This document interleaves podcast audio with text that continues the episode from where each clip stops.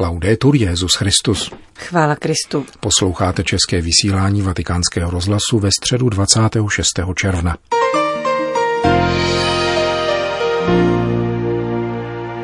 Na svatopetrské náměstí přišlo asi 15 tisíc lidí na generální audienci Petrova nástupce, poslední před červencovou přestávkou. Vzhledem k panujícímu horku probíhala zároveň v klimatizované vatikánské aule Pavla VI., kde se sešli nemocní, které papež pozdravil těsně před zahájením.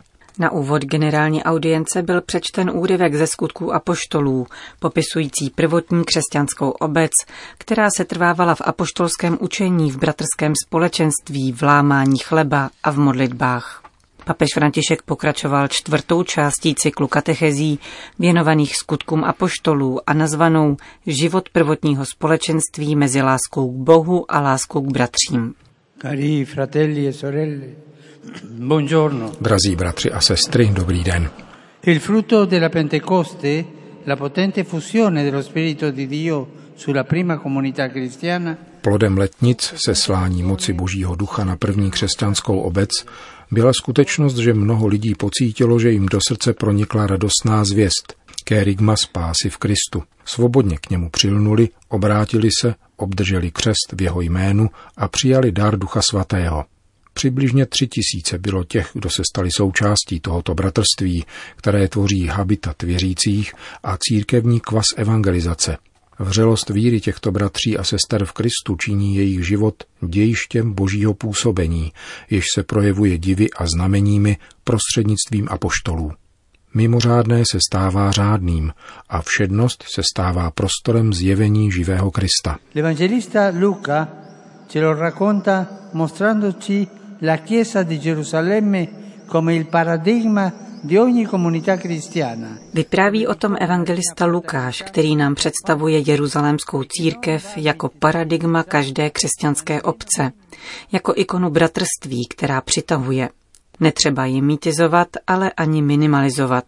Vyprávění skutku nám umožňuje nahlédnout mezi stěny onoho domus, kde se schromažďovali první křesťané jako boží rodina, do prostoru koinonie, tedy společenství lásky bratří a sester v Kristu. Je patrné, že jejich život má konkrétní podobu. Setrvávali v apoštolském učení, v bratrském společenství, v lámání chleba a v modlitbách. Křesťané ustavičně poslouchají didaché, čili apoštolské učení. Pěstují vysoce kvalitní meziosobní vztahy také sdílením duchovních i materiálních dober. Konají památku páně lámáním chleba, tedy Eucharistii, a vedou dialog s Bohem v modlitbě. Takové jsou postoje křesťanů.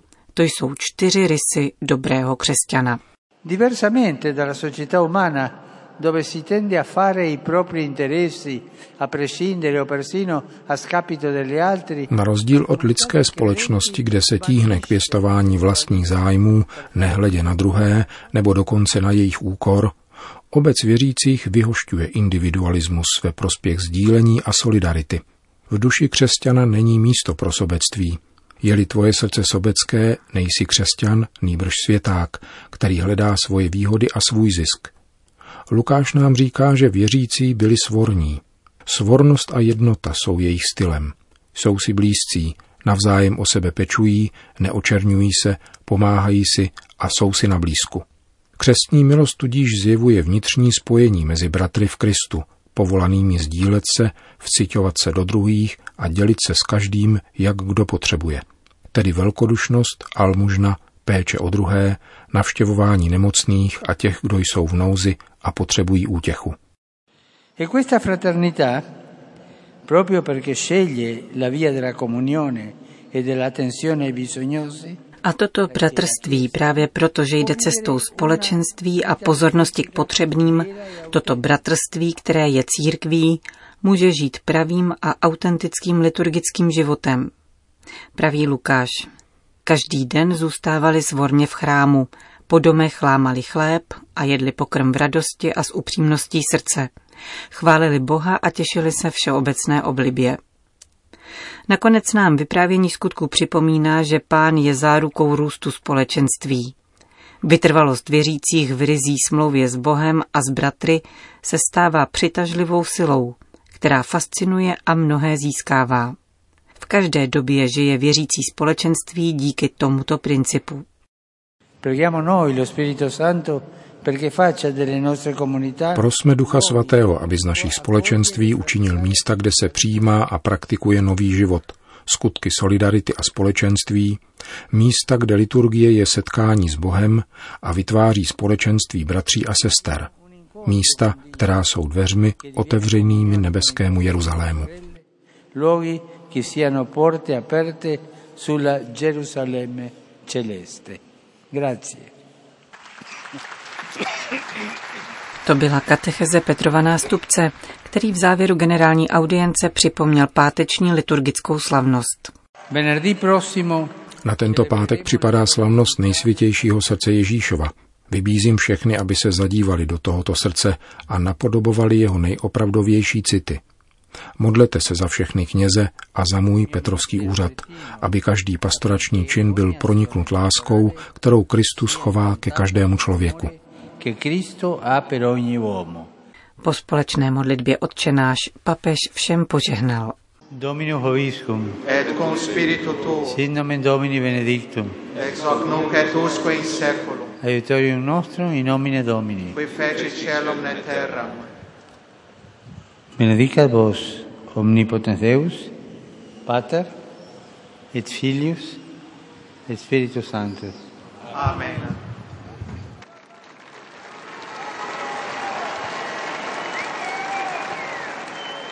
Další zprávy. Vatikán.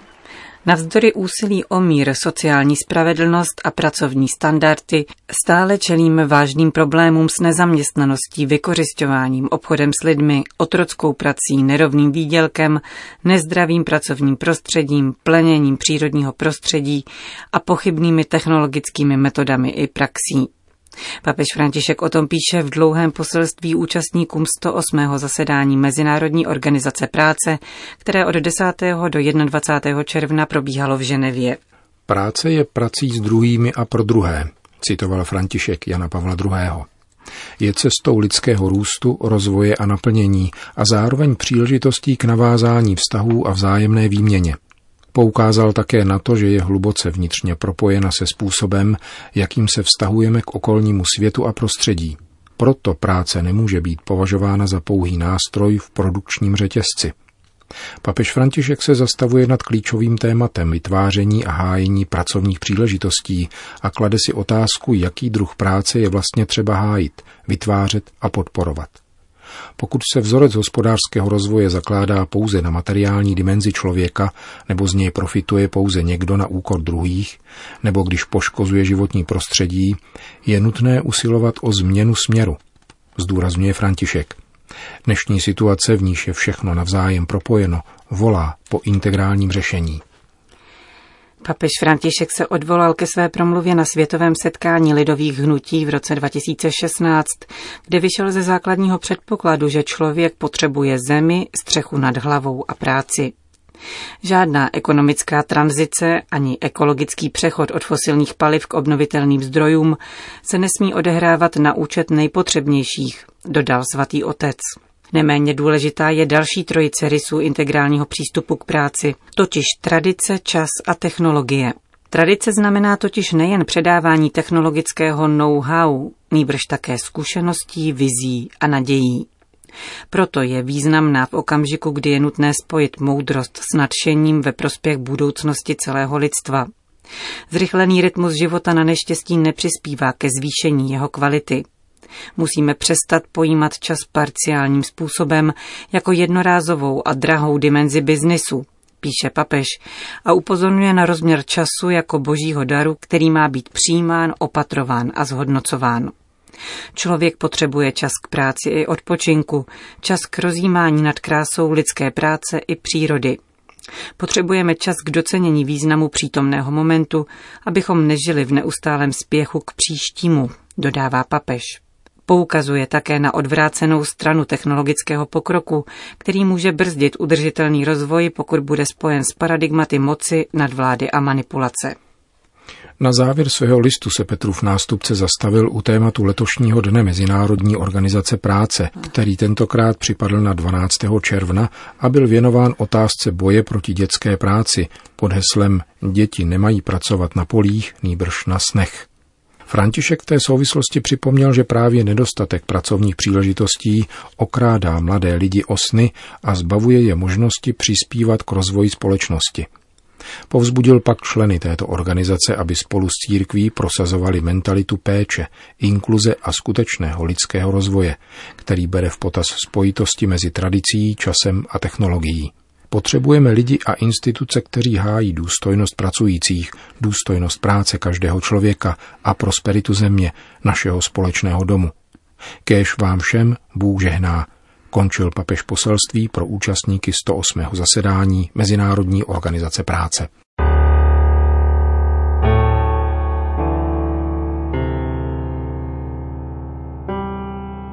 Potrat se chybně začal vydávat za projev naprosté svobody na místo tolerované praxe.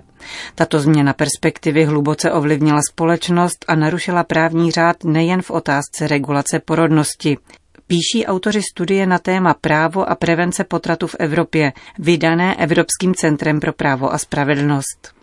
Tato mezinárodní nevládní organizace pro podporu a ochranu lidských práv se věnuje především otázce náboženské svobody a ochrany důstojnosti člověka. Má zvláštní poradní status při OSN a vystupuje na obranu těchto hodnot při Evropském soudu pro lidská práva a dalších evropských orgánech. Opírá se přitom o duchovní a morální hodnoty, které, jak stojí rovněž v preambuli statutu Rady Evropy, jsou společným dědictvím Evropanů a skutečným zdrojem svobody jednotlivce, politické svobody a vlády zákona, a tedy zakládajících principů pravé demokracie. Kniha o prevenci potratů je výsledkem více než desetileté práce v této oblasti. Materiál zhromážděný skupinou pod vedením Gregora Papinka předkládá sociální konotace potratu, odpovídá na některé obvyklé námitky a načrtává konkrétní návrhy vedoucí ke snížení frekvence interrupcí. Autoři se pokoušejí nabízet spíše konkrétní návrhy z perspektivy prevence než abstraktní práva a poskytují ideové a právní základy protipotratové politiky. Ústřední kapitola knihy nadepsaná Prevence potratu, zaručení sociálního práva nepotratit předkládá základy prevence potratu, vycházeje z konkrétních opatření s úspěchem uplatňovaných v některých zemích. Situaci žen i koherentnost práva může zlepšit pouhé označení potratu za tragické a traumatické ničení lidského života, jemuž by se mělo předcházet a nikoli jej vyzdvihovat jako základní právo člověka. Právě tímto způsobem několik evropských zemí dosáhlo významného snížení potratů ve svých společnostech. Kniha mimo jiné nabízí realistickou a zákonodárnou vizi založenou na detailní studii o příčinách a následcích potratů. Závěry výzkumu vedou k přehodnocení potratu jako problému sociálního a zdravotního a spatřují v něm otázku, kterou lze řešit na základě osvěty a prevence. Tato politika odpovídá rovněž známému prohlášení Simony Vajlové, která veřejně popřela existenci jakéhokoliv práva na potrat a prohlásila, že by měl být tolerován pouze jako poslední řešení za specifických okolností. Právě takto mezinárodní a evropské zákony stále do značné míry koncipují tuto problematiku a poskytují tak silnou zákonnou podporu politiky prevence a dokonce práva na život nenarozeného. Autoři knihy rovněž poukazují na skutečnost, že převrácená perspektiva v přístupu k potratovým zákonům ovlivnila pohled na další práva a principy, jako je zákaz sexuální a genetické diskriminace, právo na život, svoboda svědomí a svoboda projevu a výrazu.